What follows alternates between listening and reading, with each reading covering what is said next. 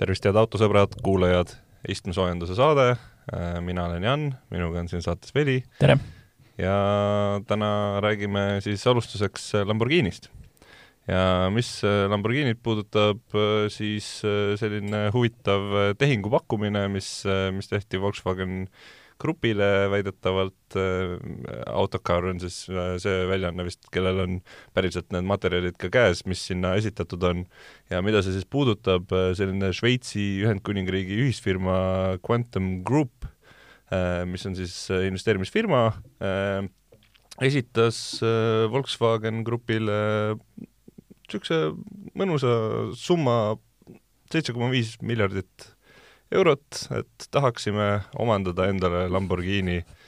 Ja, ja mis selle kohta siis, mis, mis see kõik siis on, mis see on, see on väga nagu segane teema et.... jah, mis nad sellega tegelikult nagu saavutada tahavad, on ju, sest et noh, Lamborghini, nagu me teame, on Audi valduses, on ju, nad jagavad äh, Volkswagen Grupiga noh, enamus Lamborghini praegused mudelid, ehk siis äh, Huracan, Aventador ja Urus on väga sõltuvad äh, Volkswagen AG erinevatest asjadest nagu platvormid, mootorid, Äh, kuni mingite pisidetailideni välja, on ju.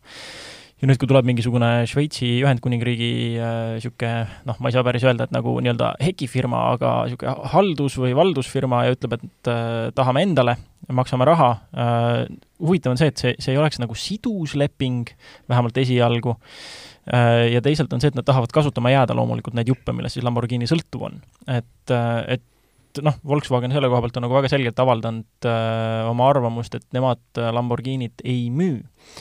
aga jällegi jah, mis, mis siis nagu see huvi üldse sellel firmal on või miks see on nagu osa nende võtmestrateegiast, ma ei mõistagi tegelikult. no see taustsüsteem on ka väga segane, et äh, selle firma esindajaks siis on äh, Rea Stark ja see on äh, sellise firma nagu Piech Automotive kaaslooja, mis siis tegi nagu oma äh, elektriautoid, kes siin on jälginud, on ka kindlasti seda autot näinud päris niisugune imposantne ja meeldejääv masin, on ju. ja noh, nagu nimi viitab, siis äh, omakorda selle Piechiga on seotud siis nagu äh, Anton Piech, kes on Ferdinand Piechi ehk siis kunagise Volkswagen Grupi suure bossi äh, poeg ja, ja, ja tema oli siis omakorda äh, Ferdinand Porsche lapselaps. ja see on, see, see kahtlaselt haiseb selle moodi, mida Porsche üritas siin minevikus teha, et kui me nüüd tuletame meelde, siis Porsche ju mingi hetk üritas Volkswagenit ära osta. kui ma õigesti mäletan, siis nad jõudsid ka reaalselt seitsmekümne viie protsendise osaluseni ja siis juhtusid, äh, juhtus väga huvitav situatsioon, mille tõttu juhtus nüüd see, mida me teame, et tegelikult on Porsche nüüd hoopiski on ju Volkswageni oma ükskõik, et Porsche valduses sellel hetkel olid seitsekümmend viis protsenti Volkswageni aktsiatest. Äh, see on täiesti teine teema, aga see kahtlaselt haiseb selle moodi, et siin Piech, kes on tõesti siis kes ka selle tehingu juures oli võtmetegelane ja kahe jalaga, noh, ühe jalaga Porsches, teise jalaga Volkswagenis, siis see, see tundub, et see võib tõesti olla nagu mingisugune analoogvangerdus, et et mis, mis sellise asja tulem siis võiks, võiks lõppkokkuvõttes olla, kas Volkswagen on noh, kas ohulipud on juba üleval või, või mis seal nagu täpselt toimub, et et noh, seda, seda, seda ei saa nagu spekuleerida, et kes kelle valdusesse siin või mis see nii-öelda suur, suur plaan on, aga selge on see, et sellest partnerlusest või noh, siis mida see Šveitsi firma siin sõnastab, et ikkagi partner, partnerlus Volkswagen AG-ga, et nad tahavad ikka seal ka omavahel jagada mingit äh, elektri ja vesiniku ja ma ei tea, mis iganes muid no, tulevikutehnoloogiaid. üks, üks ja suur osa ongi see, et nad pakkusid ka välja, et ehitame sellise arenduskeskuse ja seal arenduskeskuses me hakkame siis tegema koos igasuguseid asju, et me hakkame tulevikutehnoloogiaid, noh, loomulikult tänapäeval ütlevad kõik, et need on akupakid ja elektriautode tehnoloogia mm, -hmm. et mhm. hakkame seda arendama, aga ka tähelepanuta ei jäetud ka vesinikku ja noh, kõiksugu uusi kütuseid ja mida iganes, mida tulevikus võiks vaja minna. et selles mõttes ei, see ei ole nagu see see päästmisüritus ka, et noh, et on ju siin öeldud, et äh, Lamborghinis tehakse ka elektriauto firma, siis noh, see ei ole see, et tahaks hoida seda puhtana, vaid see on, tulevik näeks ikkagi suhteliselt sarnane välja nagu see, mis talle praegu ette visandatud on. et mm -hmm. selles mõttes äh, väga, väga, väga kummaline lugu, aga jah, aga samas saame... jällegi noh, ongi see, et kas seitse koma viis miljardit eurot on tegelikult et noh, ikkagi Volkswagen AG suurusele firmale on see kommiraha, kas äh, Dieselgate'i skandaal ju minu teada need trahvid, asjad kõik ületasid kümme miljardit suht kiiresti et see on sellise brändi ja sellise pärandi eest suhteliselt nagu kommiraha, et, et huvitav, kas siis ollakse nõus seda pakkumist äh, veel äh, ülespoole kergitama või mingeid osalusi seal jagama hakkama kuidagi äh, natukene soositumalt Volkswageni poole või mis, milleni see välja viib, eks me siin lähiajal kuuleme või saadetakse nad pikalt juba kohe, et mis iganes raha eest ei müüda, et seda, seda me saame siin näha. Äh, räägime nüüd Cupra teemadel, äh, kes siin on äh, erinevaid autouudiseid jälginud, on kindlasti ka juba näinud, Cupra Born, siis esimene Cupra täiselektriline sõiduk, Veli, sa oled ise ka sellele kindlasti juba pilgu peale visanud, mis, mis tundeid tekitab? noh, siin on jälle, see uudis on ka väga Volkswagen grupiga seotud, sellepärast et äh, üllatus-üllatus, Volkswagen näitas oma GTX-e, on ju, mis on nüüd erinevad siis äh, natuke kangemad elektriversioonid, põhimõtteliselt nagu GTI on, aga noh, nüüd on siis GTX elektrisõidukitel, ja Cupra Born siis põhineb äh, ID3-l ja on põhimõtteliselt väga sarnane asi, lihtsalt äh, noh, hispaanlased siis ütlevad, et noh, et seal on ikkagi meie vürtsi ja disaini asju, et aga noh, põhimõtteliselt see on ka sama asi, mis ID3 ja siis põhi, vastavalt siis see GTX et mis need arvulised näitajad siin äh, ütlevad, päris nagu nii palju jõudu välja ei anna, kusagil kakssada kolmkümmend hobujõudu on vist see tippmudel, aga sõiduulatus jällegi äh, kuni viissada viiskümmend kilomeetrit. et seal täitsa nagu noh, niisuguse väikse noh, kui elektri, elektriauto kohta saab öelda väikse punni kohta, on isegi nagu võib-olla seal potentsiaali. Äh, aga, aga noh,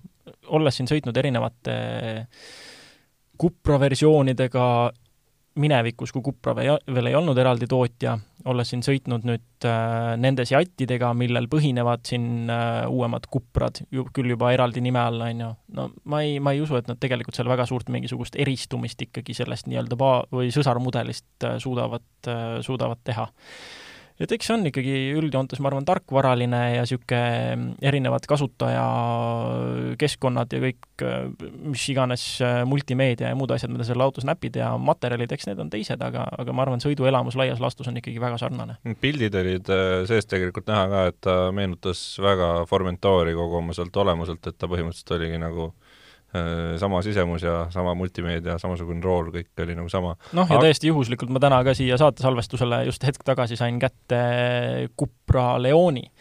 ja seega noh, ei olnud vaja sõita viite kilomeetritki, et aru saada, et see on ka väga-väga Formentor oma noh, kõigelt põhimõtteliselt, mida noh, sinna, sinna me veel, sinna me veel jõuame kunagi mingisuguses äh, hilisemas saates ära, nüüd hakka seda kõike ära rääkima aga mida ma nägin sealt äh, kogu sellest äh, pikast äh, pressiteatest, oli see, et elektroonilise stabiilsuskontrolli saab panna sportversiooni, mis on tegelikult üks nendest asjadest, mida on tahetud ID3-e puhul näiteks, et kui sul on ikkagi äh, kogu see jõud on seal taga, on ju, ja tagumised rattad veavad, siis võiks ju lasta sellega natuke lõbutseda ka, et see mm -hmm. oli, see oli mingi selline asi, mis minu tähelepanu tõmbas ja mis äh, mis äh, tekitas selle tunde, et see võiks olla natukene, natukene teistsugune aga huvitav, kas see jäetaksegi siis nagu selle auto nii-öelda konkurentsieeliseks või noh, tegelikult ei ole mida, tegu ju millegi muu kui tarkvaralise väikse, väikse uuendusega? ma GTX-i ja nende kohta ei ole näinud, et kusagil mm -hmm. oleks seesama asi kirjas. Et... seda on, aga seda on väga lihtne kindlasti sinna sisse kirjutada ja ka tagantjärele mudelitele tarkvara uuenduse käigus paigaldada. et äh, ma, see oleks väga, väga kurb, kui see jäetaks nagu ainult nüüd Äh, Cupra Bornile ja võib-olla siis GTX-idele, et äh, tegelikult on kindlasti see võimalik äh, sisse kirjutada ka ID3, ID4-le. see meen-, see meenutab natukene seda paid, pay by subscription yeah. igasuguseid teenuseid, mis oma autole saad võtta. noh, et äh, adaptiivsed kaugtuled kuumaks ei ole makstud, sorry, praegu ei saa kasutada ma,. maksa kakssada eurot ja me võime sulle selle nagu sportlikuma stabiilsuskontrolli ka tegelikult kahesaja euro eest ma läheks ja tõmbaks selle kaitsme ise välja okei okay., ühesõnaga selline noh, tegelikult ikkagi huvitav auto, et, et kindlasti jõuab ka siiamaale ja siis saame proovida ja vaadata, et, et kuidas ta ikkagi võrreldes selle sõsaratega on. jah, aga noh, siin jah, ma juba ette kahtlustan natukene tundmuse ja väikest viisi kogemuse põhjal, et et selliste suurte kontsernide sisene nii-öelda eristumine või toodete diferentseerimine noh, paraku see ikkagi, ma kahtlustan, et väga hästi ei ole õnnestunud. pigem, pigem kunstlik on siiamaani olnud. jah nüüd räägime ühest huvitavast uuringust, mida, mida IF kindlustus läbi viis äh, Baltimaades, äh, enam-vähem igas riigis tuhat vastajat, pole mingisugune tohutu valim, aga sellegipoolest joonistasid seal välja mõned üpris huvitavad asjad,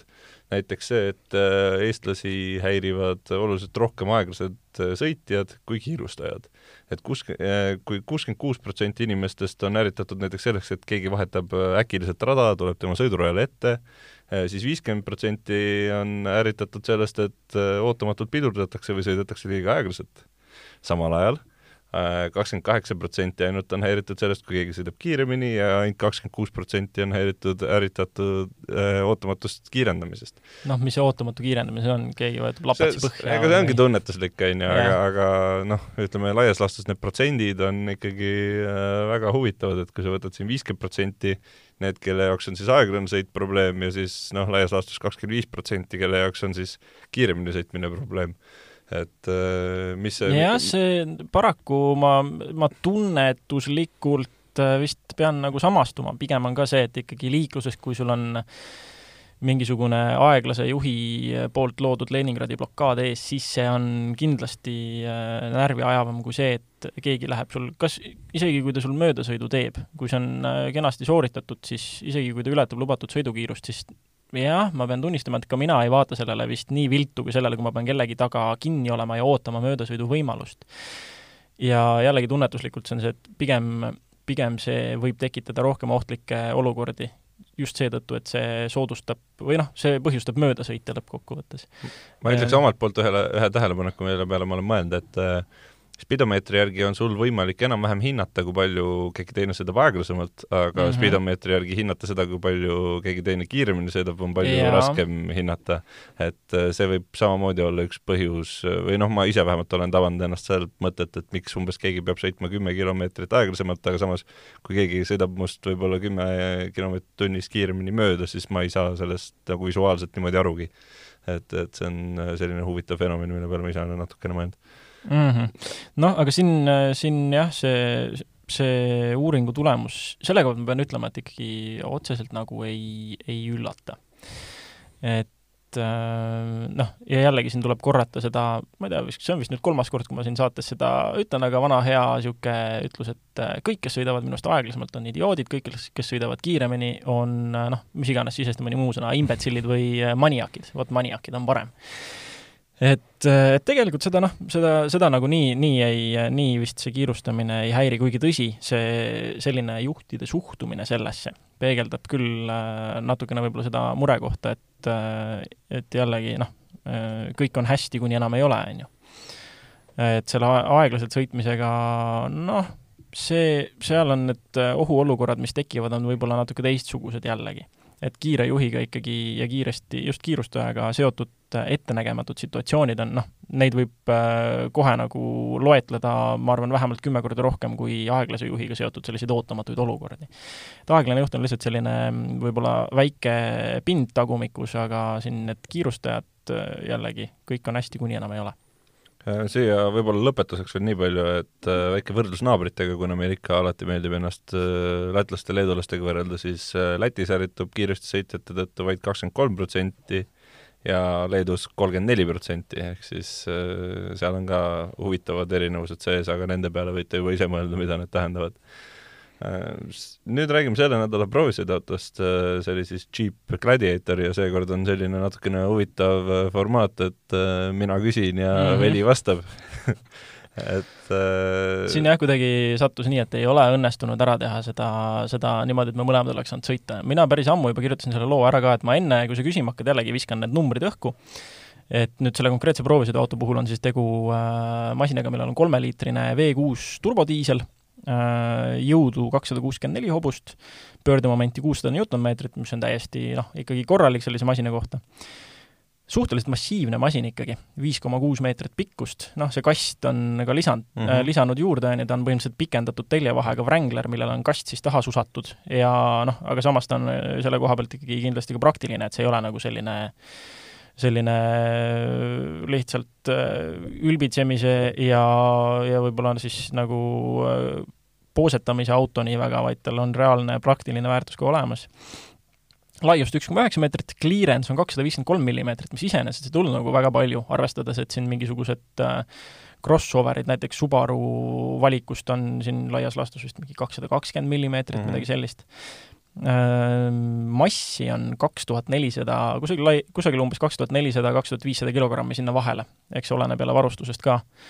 ja jaksab vedada kaks tuhat seitsesada kilogrammi haagist ja hinnad on meil kuuekümne nelja tuhande euro juures kusagil. et siin ma juba mingi hetk märkasin, et keegi kommentaatoritest tõi välja, et kui palju see auto USA-s maksab noh, aga sellest ei ole meil mõtet siin rääkida, et palju nagu analoogsed autod USA-s maksavad, et äh, sama hästi võib noh, rääkida sellest, kui palju Euroopa autod USA-s maksavad. jah, täpselt. et noh, kui siin näiteks on need, on kõige viimase põlvkonna Chevrolet Corvette on ju, mille põhimõtteliselt ka USA-st saad mingisugune kuuekümne tuhandega kätte, Eestisse tood siis kõik maksud, asjad, väike marginaal ja muud värgid juurde ja sul on topelt see hind, on ju. et eks ega selle, paraku ka selle gladiaatori puhul on niimoodi toiminud, et isegi kui sa USA-s võid ta mingisugune neljakümne tuhande dollariga saada, no aga kui palju maksab siia toomine ja kõik erinevad äh, maksud juurde, et, äh, et paraku meil on jah, sellised äh, päris Ameerika autod ikkagi suhteliselt kallid. nii, aga nüüd on erinevad formulaar formaalsused eest ära, et küsi aga julgelt. no ma teen tegelikult suht lihtsaks sinu jaoks selle, et räägi, mis need kõige suuremad miinused olid? alustame, ma arvan, miinustest, siis saab nagu positiivselt lõpetada. jah, kõige suurem miinus minu jaoks paraku oli see, et noh, äh, natukene gladiaatori siin nii-öelda mm, taustast ja sellest peotrikist, mida ta suudab, on see, et äh, tal käivad ju uksed ja kere- katusepaneelid, või noh, uksed käivad eest ära, katusepaneelid käivad pealt ära mm. -hmm. et sa saad ta teha selliseks äh, põhimõtteliselt raamiga suveautoks, on ju, et õhk käib igalt poolt läbi ja ja sellest tulenevalt on noh, kui sul ikkagi on äh, paneelid, mis käivad mugavalt ja kiiresti ära ja uksed isegi ka, millele noh, sul on reaalselt sellised tummised hinged väljaspool autokere, see on nagu noh, nagu äh, kui sa üritad meelde tuletada, ma ei tea, võib-olla mingit äh, talu laudauksi või midagi, siis no vot sellised tummised hinged on seal mm -hmm. väljaspool, on ju, et sa saaksid mugavalt uksed eemaldada. et loogiline on see, et seda müraisolatsiooni seal väga palju nende kohtade vahel ei ole. ja see oli ka vast kõige suurem äh, miinus, aga selle auto iseloomu arvesse võttes tegelikult ma ei nimetaks seda suureks miinuseks, see ei ole noh, maanteekiirusel tõesti sa ei saagi väga oma muusikat kuulata, sa oled seal selle müha ja müra sees, aga kui sa maastikule jõuad selle masinaga, siis sa unustad selle. et see ei olegi selline maanteelaev, jällegi nagu öeldud, see ei ole siin mingi pseudomaastur poosetajatele, vaid see on ikkagi äh, vajaduse korral päris tööriist. ja see niisugune ühelt maastikult teisele saamine, isegi kui sinna maanteed vahele jääb, see on täpselt niisugune asi, mille sa kannatad ära selle maastikule saamise nimel, on ju. et see, ma ei ütleks, et see heliisolatsioon äh, väga, see heli- ja müraisolatsiooni selline puudumine või suur sisemüra maanteekiirustel tegelikult mingisugune hull miinus oleks. no nüüd, nüüd sa jõudsid juba plusside juurde välja oli miinuste seas veel midagi? Kusjuures väga tegelikult ei, noh, jaa, okei okay,, helisüsteem oli jällegi, sellele ei ole mingit prioriteeti pandud, on ju. et ta on, ta on, ta on niisugune robustne auto ja, ja selline tööloom, on ju. jah, täpselt, ja ka sisu poole pealt, et äh, jällegi ta on niisugune askeetlik mm, -hmm. robustne on hea sõna ka, aga ta ei ole nagu ütleme, kui me meenutame siin oma proovisõitu selle Isuzu D-Maxiga, siis selle auto puhul, no see oli tõesti noh, siin no, isegi askeetlikkusest edasi samm agraarsuse poole, on ju. Aga, aga selle auto puhul on ikkagi, see on niisugune, ütleme, funktsionaalne askeetlikkus selle koha pealt, et äh, need asjad on ikkagi läbimõeldud, äh, need detailid, mis on äh, robustsed, on seda ikkagi meelega, nad ei ole mingisuguse puuduse tõttu, vaid nad on selliseks ikkagi loodud ja disainitud selle tagamõttega, et see on midagi, mis lisab sellele autole iseloomu. ja see, seda on, see kumab selle masinaga sõites läbi. et äh, noh, ja helisüsteem samamoodi, eks ta ole natukene selline, ütleme, heli, äh, helikõvera mõttes äh, suhteliselt nagu lame, aga samas on jällegi see, et kui sa selle autoga kusagile randa välja sõidad või noh, kuhu iganes, meil paraku see randa sõitmine tegelikult siin nagu lubatud ei ole, et see niisugune romantiline pilt autost meeter vee ääres päikseloojangu nautimas, piknik kõrval toimumas, et noh, see tegelikult vist päris lubatud enam ei ole. Aga ta, ütleme, ta võimaldaks seda, et äh, tal on äh, taga mingi Bluetoothi äh, kõlar, mida sa reaalselt, sa panedki ta kusagile tagaistmete taha ta laeb seal, saate välja võtta, kuulata muusikat äh, ja jällegi see natukene, ütleme, võtab seda helisüsteemi puudust ära, et sa saad minna oma sihtkohta ja seal seda teha hoopiski. istmete all on hästi palju panipaiku, äh, taga see kast ise on ka, noh, ta on korraliku selle kivikaitsega kaetud, on ju, sellel proovisõiduautol oli hästi mugav äh, selle kasti kate, mis oli kokku rullitav, ta oli siis põhimõtteliselt mingi kangast pind ja siis raam oli kõva, mingisugune kõva raam, mis on kokku rullitav samas. et hästi selle koha pealt mugav. tassisid sellega ka midagi, et äh, äh kusjuures äh, olude sunnil pidin äh, mõned autojupid äh, vedama omal garaaži. Üks neist oli selline suuremamõõduline, et siin mul STI splitter, mis oli täpselt nii, et ma pidin jätma selle katte serva natuke irvakile, et ta sealt vahelt täpselt ulatus välja Äh, mul tekkis küsimus seoses nende samade, nende eemaldatavate osadega, on ju. Äh, ma ei proovinud seda. okei okay,, ma just mõtlesin, et kas sa nagu operatiivselt kuidagi saaksid ka seda eemaldada ja kui sa need eemaldaks, eemaldaksid, siis kuhu sa need paneksid, et kui sa, ütleme, oled äh, Eesti tripil, jõuad nagu mingi Lõuna-Eestisse, vaatad, et oh, jumal, jumala ilus ilm on, võtaks kõik maha. no siis sa võid need visata sinna pick-up'i kasti põhimõtteliselt, aga see on vist äh, pigem äh, tundub no, nagu kuidagi riskantne, et sul yeah. mingi uks, uksed on kuskil taga kastis ja siis äh, seda jah, seda pehmendust või sellist nagu see on nagu selles mõttes veidike noh, see on hoiustamise turvalisuse mõttes võib-olla peaks need aknad alla laskma enne või vot ma ei, ma ei tea täpselt, kuidas see süsteem nagu seal seal on, et pigem see on mõeldud vist ikkagi see, niiviisi, et sa vaatad kodus, et ahah, ilm on hea, okei okay,, ma võtan kõik küljest, jätan koju et jah, Eesti ilmadega paraku see on niisugune riskantne. okei okay,, no ma pean, ma pean ikkagi ka ära proovima selle ja ikkagi siis üritama need uh, uksed ja, ja muud asjad ka küljest ära võtta. Uh, pluss sa juba viitasid, sa ütlesid ise, iseloomu kohta midagi, mis mis, mis sa sellega silmas pidasid täpsemalt, pidasidki seda, et ta... Äh, no üleüldiselt selle auto iseloom avaldub maastikul ja mm -hmm. ma käisin ise ka ja proovisin ära ta siin jällegi Tallinna lähistel seal Maardu poole erinevates karjäärides ja noh, siin äh, see auto selle koha pealt äh, maastikusõiduga äratab niisugust äh, inimene versus loodusinstinkti. et ja samas ta on lollikindlalt lihtne tegelikult maastikul sõita. et need tingimused, kuhu ma ta viisin, olid mudased, vihmased, seal karjääris olid sisse sõidetud väga-väga sügavad rööpad mingite suuremate masinate poolt, mis olid kindlasti sügavamad kui auto clearance et mm -hmm. ühesõnaga oleks võimalik äh, olnud jääda põhja peale kinni. Äh, ja ma tegin kohe seda, et kui ma sõitma hakkasin, ma jätsin endale nii-öelda õlekõrret, äh, õlekõrret taskusse, mida kasutada, kui ma peaksin kuidagiviisi kinni jääma. ja need õlekõrved olid siis aeglusti, mida ma ei, noh, mille ma siis ei lülitanud aeglustit sisse esialgu, ja ka veojõukontroll, mille ma lülitasin kohe välja, et äh, siis selle mõttega, et kui ma kusagile kinni jään, et siis veojõukontrolli sisselülitamine uuesti lubab äh, natuke täpsemalt seda maha jõudvat jõudu doseerida. ja tegin seal karjääri erinevatel radadel äh, tiiru, paar korda õnnestus ka ikkagi sinna vagudesse sisse vajuda, aga noh, ikkagi niimoodi ühe rattaga, noh, servad olid pehmed, siis vajud ühe rattaga sisse, aga teised kolm ikkagi veavad kenasti.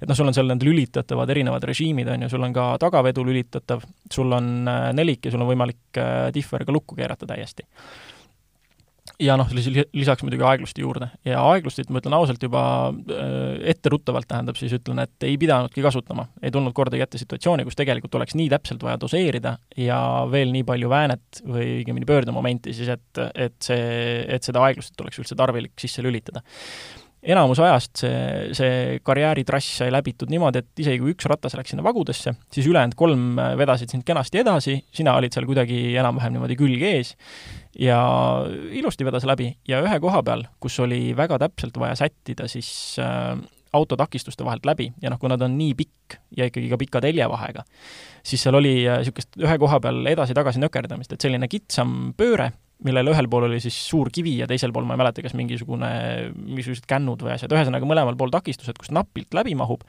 ja korra pidi ka tagasi laskma, et äh, mitte küljega sinna takistuste otsa vajuda. Ja vot sellise koha peal äh, juhtus siis see moment, kus äh,, kus ta hakkas tühja käima.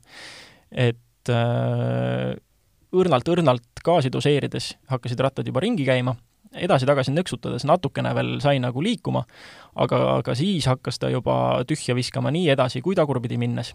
Aga siis sai veojõukontroll sisse pandud ja see lubas natuke täpsemalt gaasi doseerida ja piiras seda maha jõudvat jõudu, et noh, tal mingil põhjusel see, see oli nii, noh, ma ei saa öelda, et tundlik, aga oma jalaga ei olnud võimalik äh, isegi väikse varbaga nii täpselt gaasi anda, et sealt minema saada. ja veojuhikontroll selle koha peal päästis, ei pidanud isegi aeglaselt sisse lülitama ja lihtsalt läks.